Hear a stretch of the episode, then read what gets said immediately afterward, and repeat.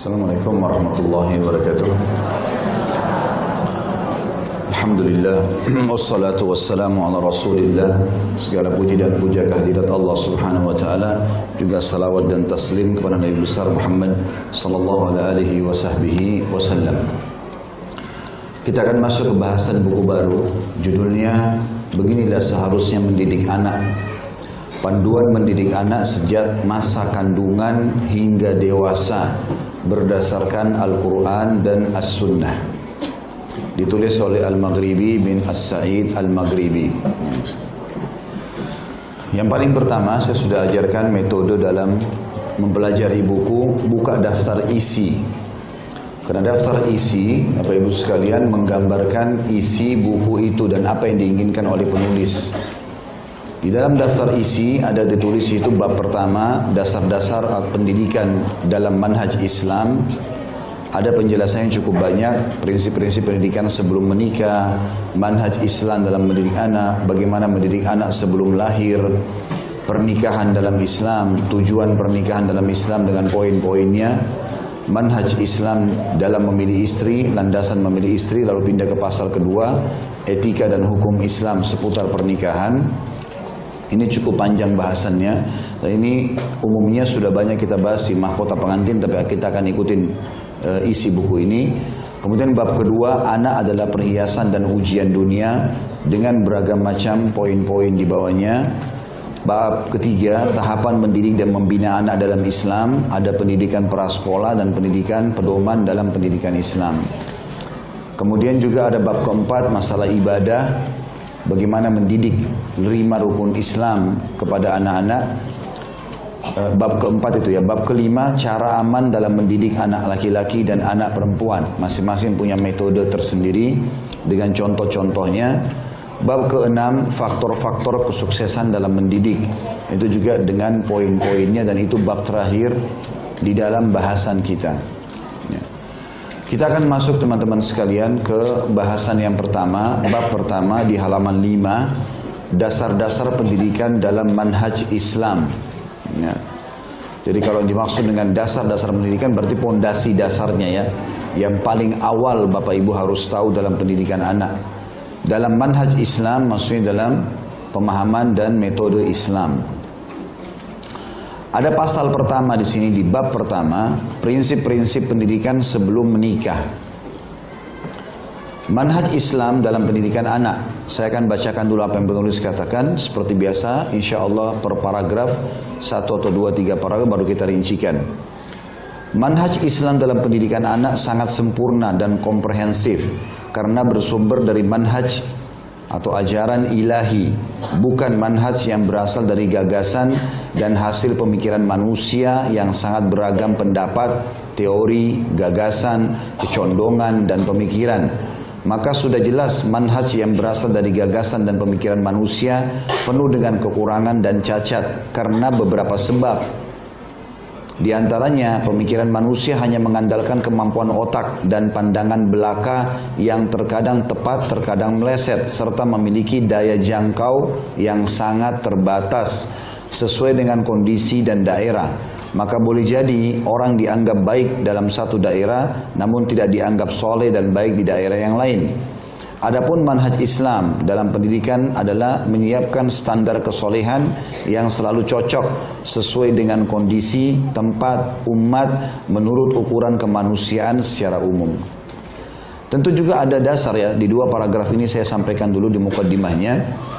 Ada dasar sebab kenapa kita juga membahas tentang masalah pendidikan anak. Karena banyak sekali di antara kaum muslimin, baik laki-laki maupun perempuan, mereka menganggap anak hanya sebuah kebanggaan. Sehingga kalau yang ditanya pertama berapa anakmu?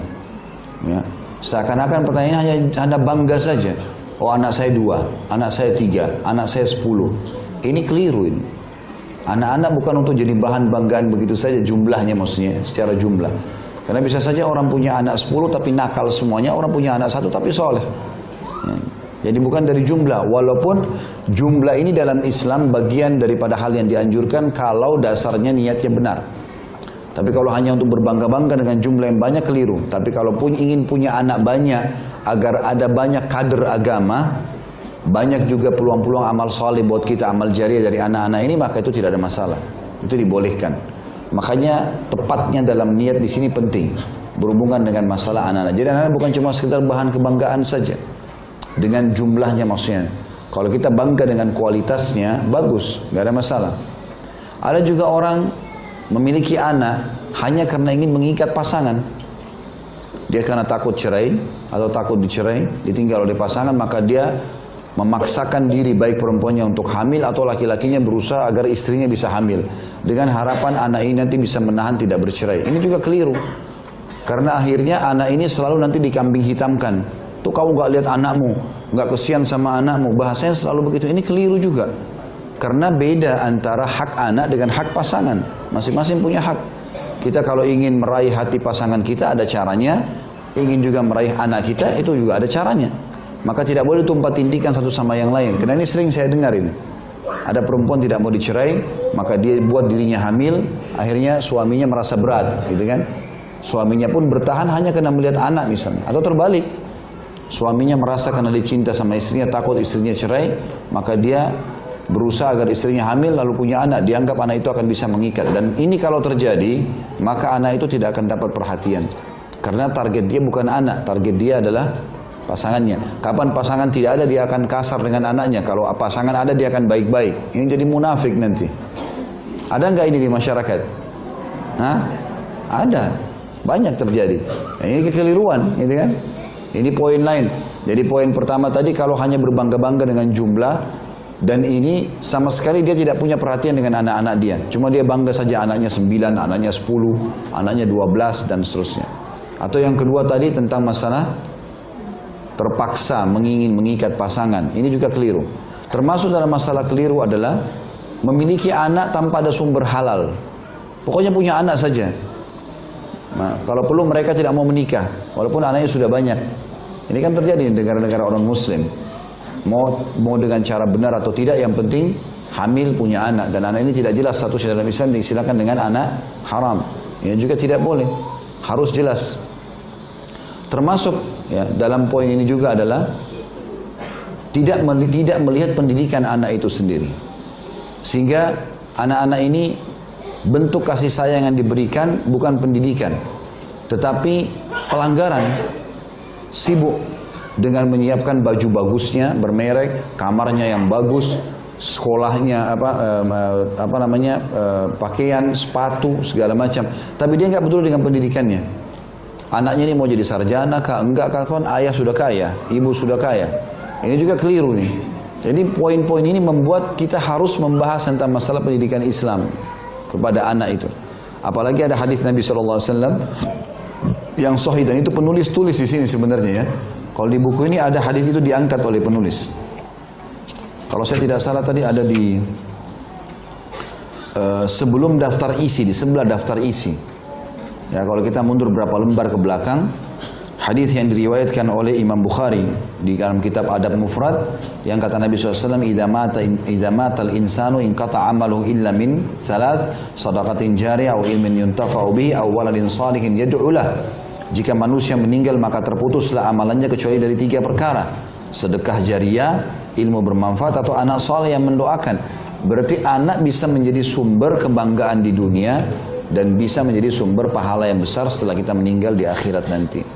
Maka anak soleh juga adalah target utama. Gitu kan? Jadi bukan cuma sekedar bangga-banggaan dengan jumlah, bukan hanya sekedar mengikat pasangan, bukan hanya sekedar uh, tadi ya, misalnya punya anak juga uh, dengan cara yang tidak halal, tidak peduli sumbernya halal atau tidak.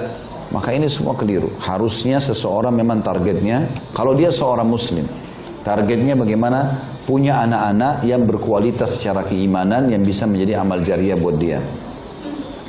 Itu kurang lebih gambaran dari pembukaan dan juga dua paragraf pertama. Lalu penulis berkata, manhaj Islam adalah konsep yang sempurna dan mencakup seluruh kebaikan yang dibutuhkan oleh manusia, baik dalam urusan dunia, agama, dan akhirat, dari semenjak lahir hingga kembali kepada Allah Subhanahu wa Ta'ala.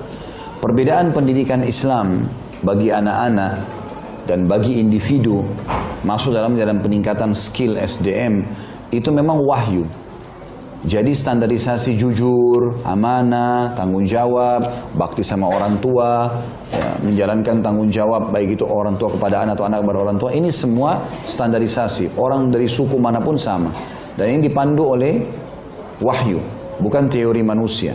Kalau teori manusia, ada orang begitu sibuk baca buku ini, baca buku itu untuk mencari tahu cara pendidikan anak. Sebenarnya pendidikan anak adalah Al-Quran dan Sunnah sudah jelas.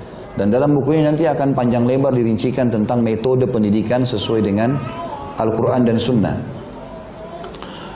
Manhaj Islam memperhatikan soal kejiwaan manusia dari berbagai segi da dalam segala kondisi, interaksi dan menunaikan kewajiban dan tugas dalam hidup.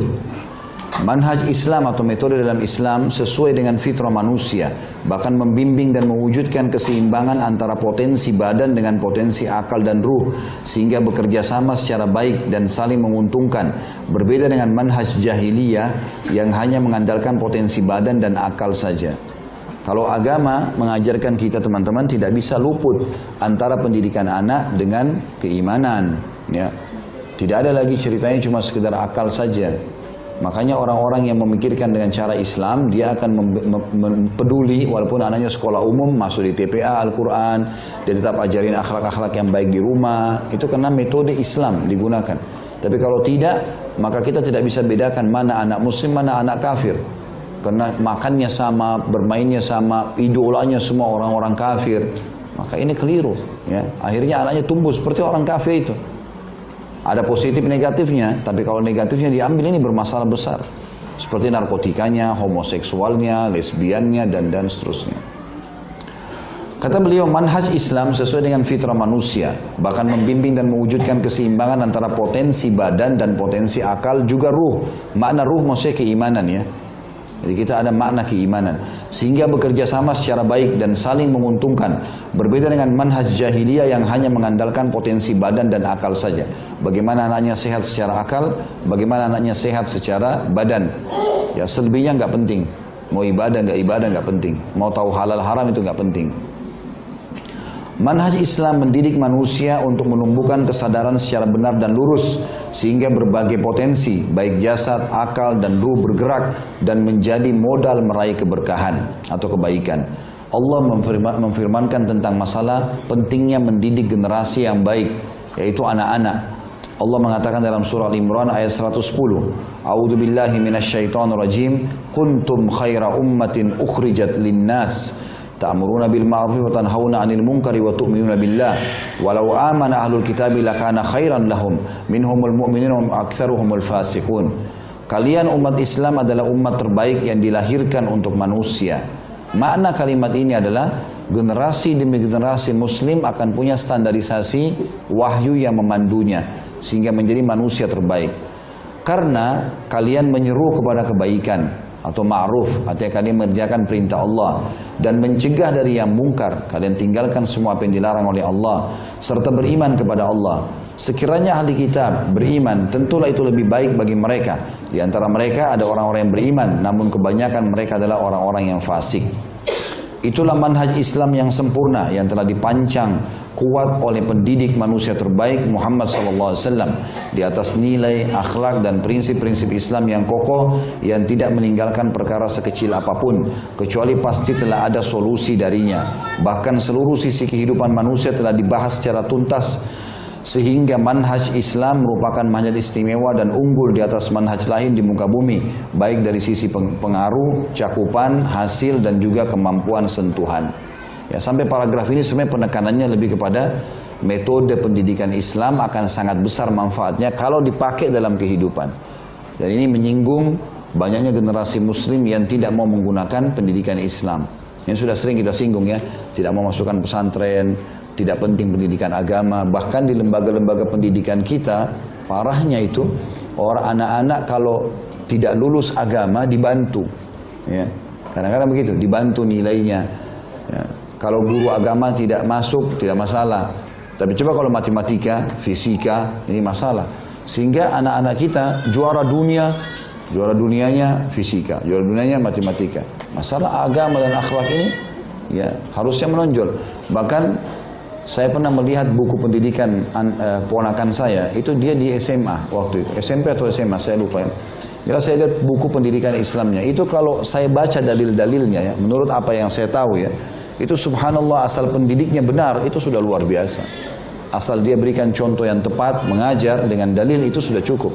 Tapi subhanallah yang terjadi tetap mereka ya piloks-piloks baju pada saat tamat, tetap pergaulan bebas, tetap narkotika. Mana efek pendidikan agamanya? Karena dianggap tidak penting. Ya, lulus tidak lulus bisa dibantu. Ya, kalau sebenarnya sebenarnya kalau pemerintah menerapkan pendidikan agama di nomor satu kan, kalau tidak lulus maka tidak bisa lulus, walaupun yang lainnya berhasil, maka pasti mereka akan terbentuk menjadi orang-orang yang terbaik.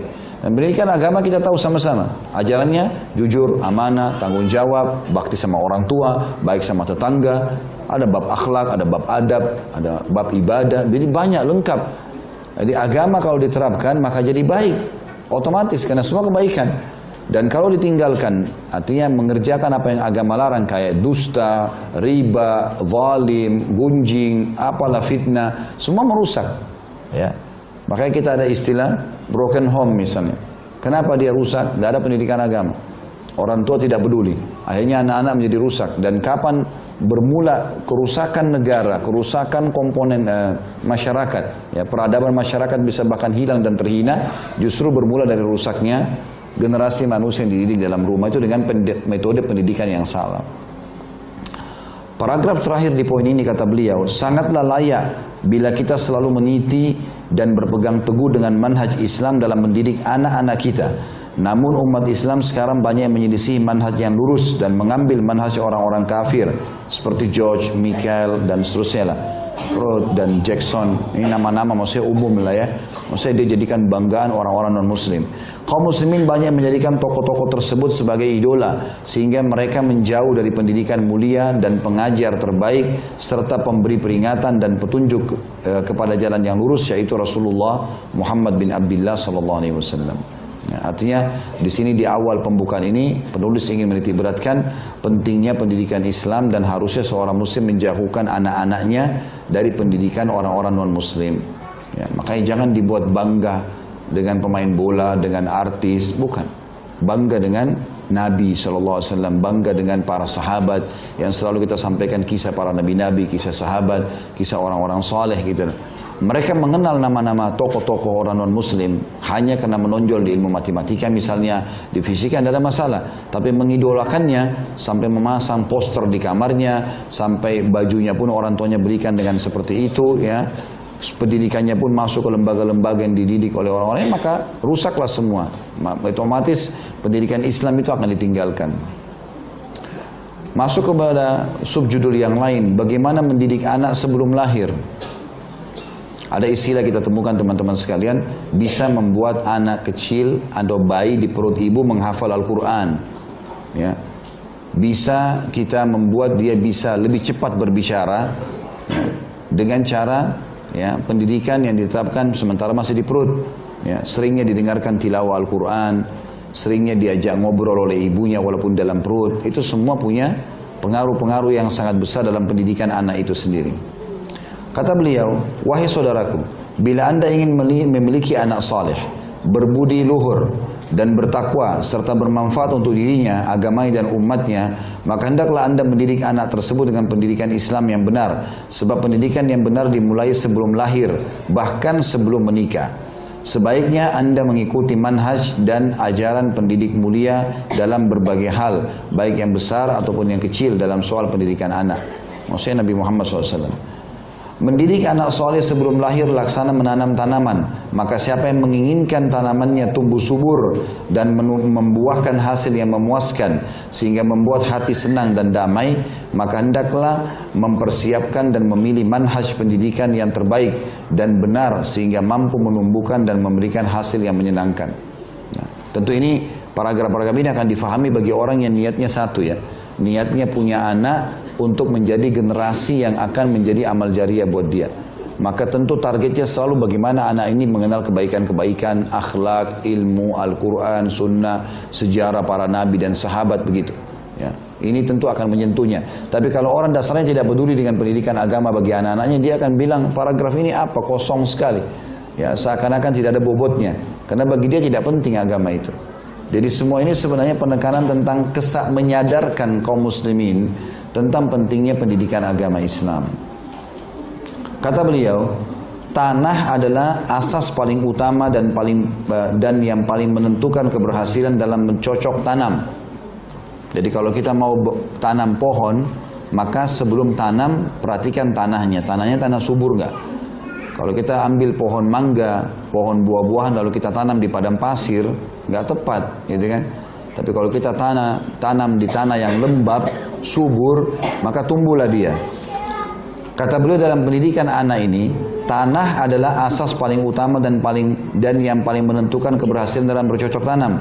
Yang tidak lain dalam hal ini adalah seorang istri yang soleha yang akan menjadi ibu bagi anak insya Allah maka dialah yang akan mengurusi tanaman dan menentukan kesuburan tanaman tersebut. Dialah yang akan mendidik anak-anak Anda di atas belian kasih sayang Islam dan nilai mulia syariat sehingga membuahkan hasil takwa dan komitmen kepada Islam. Jadi beliau mulai mengatakan bagaimana cara mendidik anak sebelum lahir, maka penulis menarik jauh sebelum anak itu lahir, bahkan jauh sebelum menikah, yaitu mencari pasangan yang soleha. Kalau laki-laki tentu soleh, ya. Dan ini diibaratkan terutama wanita. Terutama wanita. Subhanallah fitrahnya laki-laki. Walaupun dia itu tidak terlalu faham agama. Dia menginginkan istri yang baik.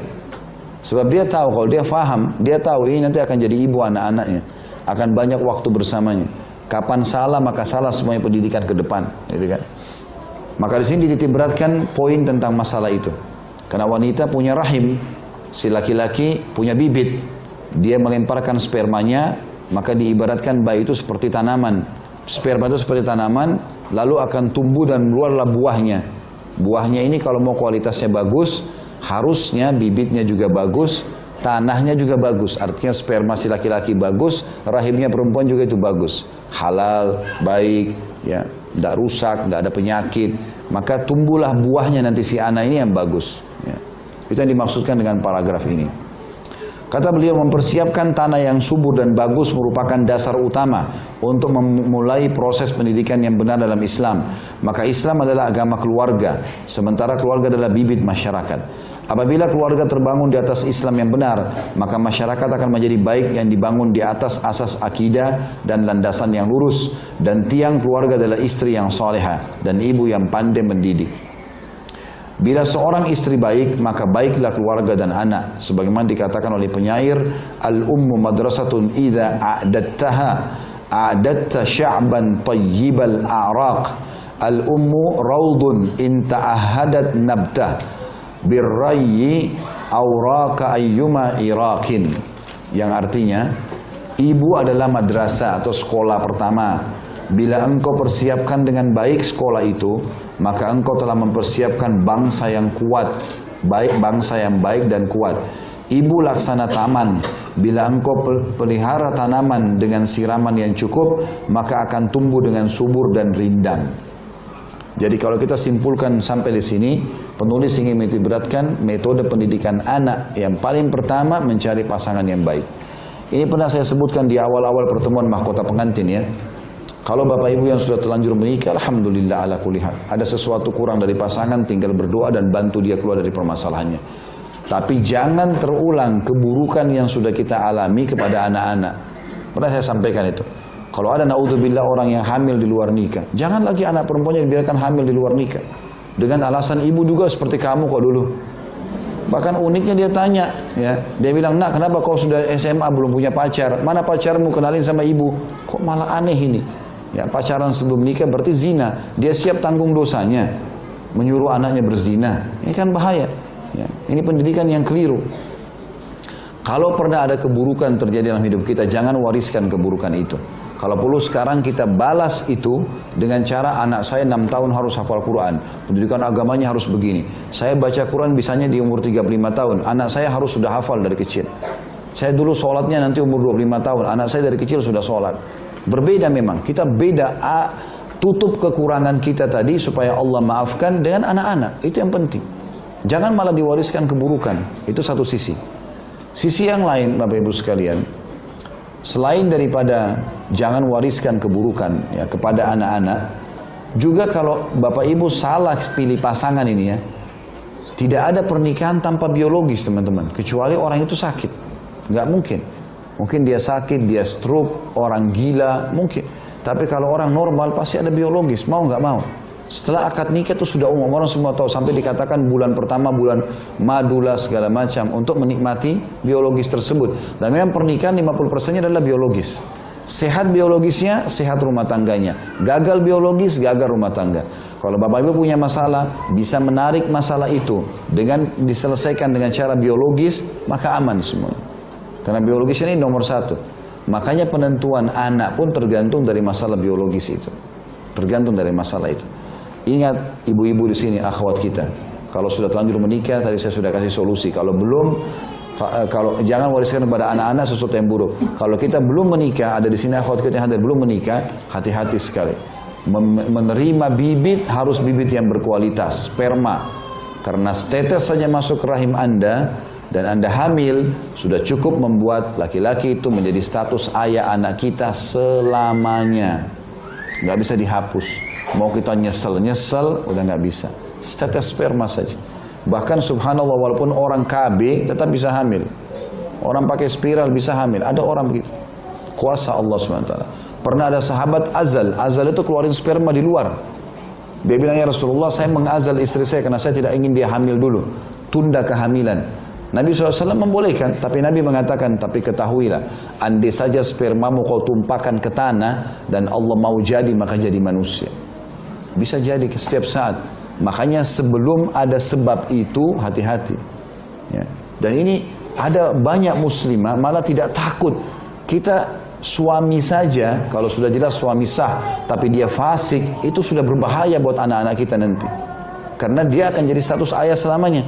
Bagaimana ada orang berani menerima bibit dari haram, perzinahan. Bahkan gonta ganti pasangan. Ini bahaya sekali. Masalahnya ini dia tidak memahami kita ini teman-teman kalau sudah menikah kita ini seperti komponen eh, komponen manusia di muka bumi ini kantong-kantong perkembangbiakan manusia yang baru ini harus sehat semua ini nggak boleh tidak gitu kan jadi begitu kita sudah berumah tangga sebenarnya kita jadi komponen pengembangbiakan manusia sudah ini. Ya kantong satu kantong dua rumah tangga rumah tangga itu semua begitu. Maka ini perlu digarisbawahi begitu juga dengan ikhwah kita. Bukan cuma mengandalkan cantiknya saja ya, performanya saja, kekayaannya saja. Tapi satu tetes sperma yang kita lontarkan, lemparkan ke dalam rahim, begitu dia hamil, seburuk apa pun wanita itu akan jadi status ibu kita, ibu anak kita selamanya. Nggak bisa dihapus. Kesian anak-anak ini, nanti menyesal. Tahu ayahnya pemabuk, tahu ibunya pezina.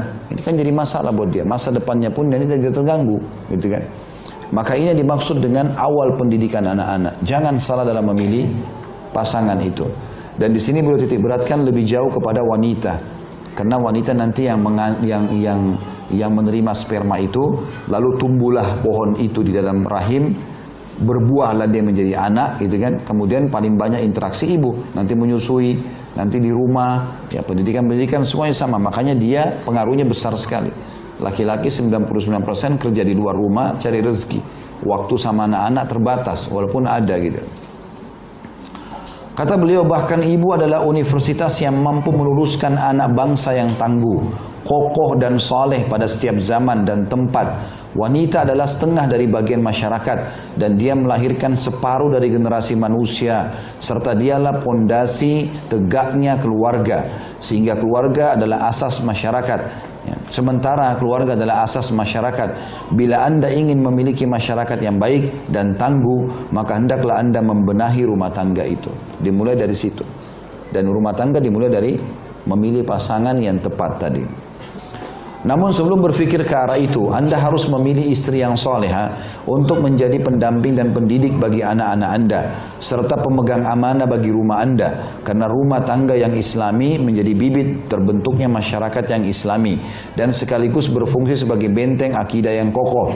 Maka hendaklah seorang muslim membangun benteng yang kokoh lebih dahulu, karena hal itu lebih utama harus diperhatikan. Oleh sebab itu, seorang ibu memiliki peran yang sangat menentukan dan pengaruh yang sangat penting bagi proses pendidikan dalam rumah tangga di samping peran bapak.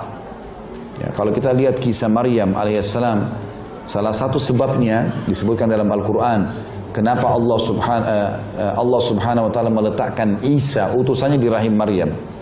Ulama tafsir menjelaskan masalah itu. Karena Maryam memiliki rahim yang suci. Bahkan Maryam alaihissalam saking sucinya dan mulianya tidak pernah interaksi dengan laki-laki yang bukan mahram. Bahkan tidak keluar rumah. Jadi kalau Maryam keluar dari rumahnya di Palestina, begitu keluar jadi bahan perhatian orang karena jarangnya kelihatan. Allah subhanahu wa ta'ala karena kesuciannya Maryam ini, jangankan dia interaksi sama lawan jenis gitu, keluar rumah aja jarang gitu kan. Maka Allah subhanahu wa ta'ala titipkan amanah rahim di rahimnya, ya manusia ini. Dan tidak mungkin Maryam hanya sekedar hamil Nabi Isa selesai. Tapi di tangannya lah tumbuh Nabi Isa menjadi Nabi Allah nantinya. Karena kalau salah ibunya salah semua ini. Ibunya pengaruh pada anaknya kan. Sekarang kalau ibu-ibu duduk nih, terus ngomong sama anak-anaknya, nak nanti ibu mau kok jadi artis ya. Itu sudah terekam bagi anak-anaknya. Biar ayahnya bilang jangan nak, itu bahaya. Ya. Nanti kalau ibu sama ayah cerai, kamu ikut ibu saja ya. Anaknya rekam itu dan ibunya yang dipilih sama dia. Jadi ibu ini bisa mencetak kader-kader umat yang baik, masyarakat yang baik atau merusaknya. Berapa banyak teman-teman tokoh-tokoh masyarakat di muka bumi ini, presiden, raja, lahir di tangan ibu yang kokoh dan baik. Di belakangnya itu ada ibu yang baik. Didukung lagi dengan istri yang soleha, tambah kuat dia. Gitu kan? Jadi perannya ibu-ibu itu jangan dianggap remeh. Walaupun hanya belayan tangan yang penuh dengan kasih sayang, masakan yang sehat, perhatian yang cukup di rumah, itu sudah sangat luar biasa. Laki-laki butuh itu. Mereka butuh itu. Kapan ibu hilangkan ini, dia tidak akan betah di rumah. Kapan laki-laki masuk rumah yang ada cuma ucapan kata-kata kasar, tuntutan-tuntutan yang banyak, tidak ada sesuatu ketenangan dalam jiwa, maka dia berharap tidak pulang ke rumah. Bahkan dia berharap pulang ke rumah istrinya sudah tidur. Ya. Nah, iya. Karena kalau pulang pasti cerewet, ini ada sapam ini. Tanya ini, tanya itu, macam-macam, curiga ini, curiga itu, nggak nyaman. Ini bukan seorang figur pendidik ya, tapi harus menjadi ibu yang robbaniyah yang takut kepada Allah, yang memang dia menjalankan tugas sampai ajar ini mengejar dari suami, dari anak adalah pahala-pahala yang besar. Itu yang harus ibu pikirkan. Ya. Ada banyak ibu-ibu sibuk, dia kaya, dia bayar misalnya babysitter atau nggak salah, nggak salah. Tapi atau dia biarkan sama pembantu, boleh pakai pembantu. Salah nggak? Nggak salah. Yang keliru, yang salah di sini adalah kalau dia sama sekali tidak ada waktu. Ada banyak ibu-ibu di rumah dengan anaknya ini yang dia pikir adalah yang penting sudah bertanya, cukup, sudah tanya. Anak kalau anak-anak pagi sudah dimandiin belum? Sudah. Sudah siapin makannya? Sudah. Baik pergi. Acaranya 10 di luar. Pulang sudah tidur anak-anak. Tadi sudah makan belum? Sudah, selesai. Dianggap sudah selesai tugasnya. Sekarang saya tanya Bu, kalau seandainya pembantunya ibu SD pun tidak tamat. Lalu ibu biarkan anaknya ibu 8 jam, 10 jam sama dia. Kira-kira terus berharap bisa hafid Quran 30 juz? jadi seorang ilmuwan, gimana caranya? Pembantu juga nggak bisa disalahin, karena dia cuma sebatas itu yang dia faham. Maka kalau orang tuanya di kampung ajarin dia e, bohong, dia bohong. Anak kita juga dilatih. Saya pernah kedatangan seseorang, tetangga orang non muslim. Subhanallah, ini anak ini Nasrani semua orang tuanya. Ya, datang ke rumah main. Begitu datang ke rumah, uh, terus dia duduk, istri saya bilang, ini anak ini banyak hafal doa-doa Islam. Hafal doa mau makan, doa mau tidur, hafal banyak. Terus saya tanya, kok bisa? Orang tuanya muslim? Enggak, bukan. Kenapa? Pembantunya. Jadi pembantunya muslim rupanya. Tapi kebetulan dapat pembantu yang baik. Didik anaknya orang ini pendidikan Islam. Tapi ada juga terbalik. Anak-anaknya jadi rusak. Yang tahu cuma nyanyi-nyanyi, lagu-lagu. Kadang-kadang ada anak-anak kecil kita dengar nyanyi-nyanyi lagu cinta. Dari mana ini? Faham apa masalah cinta ini? Ya. Ternyata pembantunya yang ajarin, gitu kan? Kadang-kadang yang lebih yang yang juga jauh lebih berbahaya ya. Kalau pembantu-pembantu ini memang ada sifat buruk, ada pelecehan seksual, dia perempuan, dia bisa ganggu anak laki-laki kita. Dilatih hal-hal yang tidak baik atau terbalik, gitu kan? Bisa juga terbalik. Anak perempuan kita misalnya dipegang oleh supir fulan atau tukang kebun ini, kita nggak tahu banyak terjadi. Nah, ini berbahaya sekali kan. Makanya harus hati-hati dalam ini semuanya. Ya. Kata beliau lanjutannya adalah, bagi orang yang ingin membentuk rumah tangga yang islami, dan anak-anak yang soleh harus memilih seorang calon istri yang soleha dan baik karena dia adalah pondasi yang sangat menentukan keberhasilan pendidikan rumah tangga dan sebagai tempat awal pijakan pendidikan yang benar. Dengan demikian Anda telah menyiapkan dasar-dasar pendidikan yang benar bagi anak-anak atau bagi anak-anak Anda sebelum lahir. Ya. Makanya teman-teman perlu bertanya juga satu hal ya bagi orang yang mau menikah. Pertanyaan ini penting bagi calon kita. Apa program ya, apa program kamu atau apa programnya kalau sudah punya anak atau bagaimana metode pendidikan anak? Itu dari awal kita sudah tanyakan, bagus ditanyakan. Kalau dia mengatakan ya nanti kalau sudah punya anak baru saya berpikir, misal ini orang nggak jelas, Oh kalau ada anak saya akan ajar dia baca Quran, saya akan begini, saya akan begitu, saya akan sekolahkan Islam dan seterusnya. Maka itu positif, bagus. Berarti dia sudah punya program dalam masalah ini ya. Itu yang dimaksud dalam poin ini. Ini ada bahasan tentang masalah pernikahan dalam Islam dan setelah ini ada banyak sekali bahasan masalah pernikahan dalam Islam ini. Baik kita masuk dulu ke judul masalah baru, masalah pernikahan dalam Islam. Ya. Pernikahan merupakan bibit pertama dan cikal bakal kehidupan masyarakat. Aturan yang bersifat alami bagi alam semesta. Serta sunnatullah untuk menjadikan kehidupan semakin bernilai dan mulia. Pernikahan merupakan hubungan batin yang hakiki. Cinta yang penuh dengan kejujuran. Dan kerjasama dalam kehidupan yang penuh ruh kebersamaan dan kasih sayang. Untuk membentuk keluarga yang baik sekaligus memakmurkan alam semesta. Ini global sekali kata-katanya ya, tetapi ada makna penting di sini. Teman-teman sekalian, saya sudah pernah bilang di bab pernikahan, jangan menikah karena sudah terlanjur teman-teman semua yang sebaik kita sudah menikah, sudah terlanjur suka karena dosakan orang tua, faktor umur, faktor ekonomi, lingkungan, ini semua tidak ada. Jangan menikah karena itu. Dan saya ingatkan kembali, saya ulangi lagi yang kita sebutkan di awal bahasan mahkota pengantin. Kalau ada bapak ibu hadir di sini, menikahnya karena sebab-sebab tadi yang saya sebutkan, di ruangan ini ubah niatnya dalam hati. Ini ibadah, pernikahan ibadah. Niatkan menikah dengan suami dan istri itu karena perintah Allah dan Rasulnya. Dan di situ ada peran dan amanah yang besar. Yang pertama, pasangan kita adalah sebab kita masuk ke dalam surga. Dia bukan musuh, dia adalah pasangan yang membawa kita masuk ke dalam surga. Kejar surga dari dia. Kerjakan apa pun tugas kita dari Allah karena Allah SWT Allah akan balas. Kemas baik-baik suaminya ibu. Kemas baik-baik istri bapak-bapak. Kemas mereka menjadi orang-orang yang menjadi penyebab kita dapat amal jariah. Itu yang penting. Sehingga tidak ada jenuh dalam berkorban buat pasangan. Tidak ada hitung-hitungan. Saya heran kadang-kadang melihat rumah tangga ada orang hitung-hitungan duit suami istri. Kenapa hitung-hitungan duit ini? Apa hubungannya? Kemarin kan kau pakai uang saya 100 ribu. Ya Allah. 100 ribu minta dari suaminya. Ya. Rembes ini, rembes itu.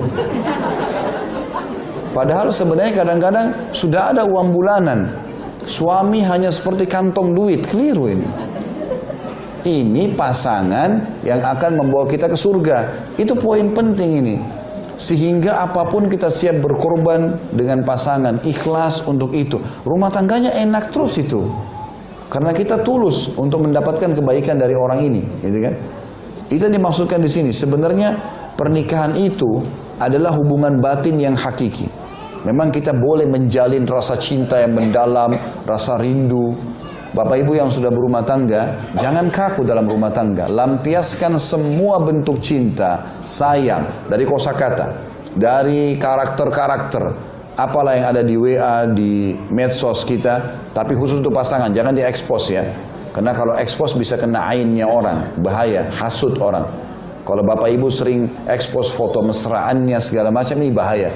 Orang iri sedikit bisa kena mata kita. Dan ini masalah. Sudah kita jelaskan kalau tidak bisa dapat air wudhunya rukia dan mungkin butuh lebih lama waktu kalau tidak ada air. Tapi kita berdua wayaan sama suami. Bapak Ibu kalau ada yang hadir di sini tidak seperti ini perbaikin. Ada orang kaku sekali. Salam di WA sama suami dan istri tidak pernah disebutkan. Assalamualaikum artinya semoga keselamatan dunia akhirat selalu ada untukmu. Warahmatullah, semoga Allah selalu kasih kau karuniahnya. Karunia itu kesehatan, kekuatan, rezeki. Wabarakatuh, semoga berkah selalu cukup hidupmu. Kalau sehari kita telepon-teleponan 10 kali atau 5 kali dengan pasangan atau WA, kita sebutkan 10 kali kita doain dia. Jadi baik pasangan kita. Tidak pernah ucapin salam. Tidak pernah ada kata-kata sayang dan mesra. Semuanya kata-kata, jangan lupa pesanan saya ya.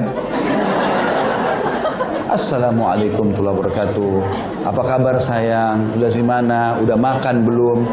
Setelah selesai semuanya baru ya. Jangan lupa bawa pesanan saya ya. Nanti saya sudah siapin makanan enak di rumah. Nah, enak orang bacanya. Jadi suaminya begitu lihat WA, jangan buka dulu ah, pasti pesanan. Kenapa ketawa? Tahu diri. Nah, masalahnya itu. Sama suami juga begitu banyak ikhwah. Kadang-kadang di mobil, saya jalan sama-sama, telepon istrinya, enggak assalamualaikum enggak apa. Sebentar siap ya, saya akan jemput jam 2. Ini kenapa kayak bukan rumah tangga? Kayak kepolisian. Hmm? Tanya dulu. Assalamualaikum salam. Oh masya Allah suara kamu bagus sekali hari ini. Enggak apa-apa. Gombal aja. Sama suami istri nggak apa-apa.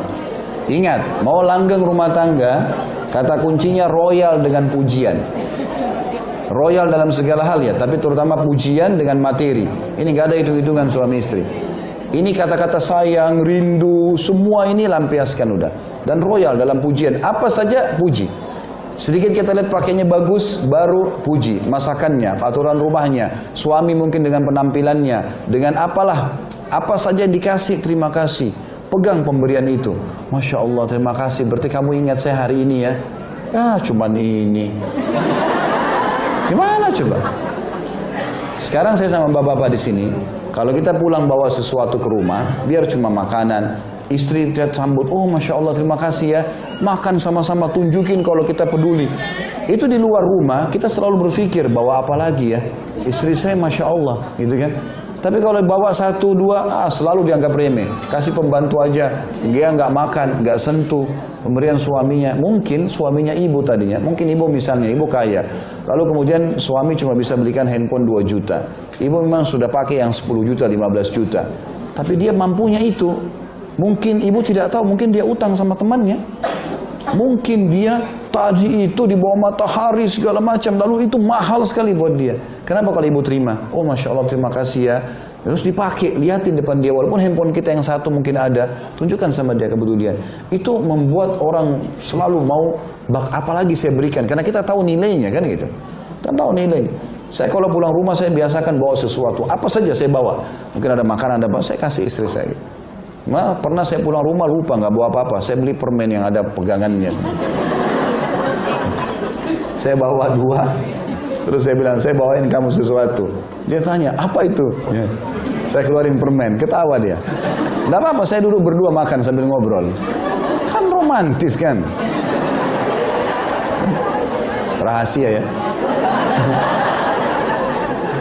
Tapi banyak orang subhanallah kaku sekali. Bicara sama pasangan, lihat tembok. Kenapa lihat tembok? Lihat dia. Dengar suaranya, lihat alisnya, itu yang halal. Harusnya masukkan kegembiraan dalam hatinya, cinta, harus ini. Ini nanti efeknya besar sekali ya. Sehingga kalau hubungannya baik, baik juga kepada masalah anak-anak. Komunikasi akan sehat. Otomatis itu terjadi. Tentu bahasa masalah anak ini satu buku ya. Jadi masih panjang sekali bahasanya. Sisa pertanyaan kita akan jawab insya Allah juga di pertemuan akan datang.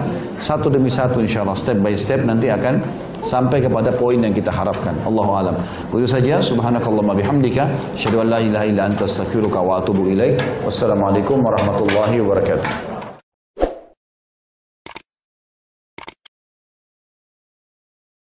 Assalamualaikum.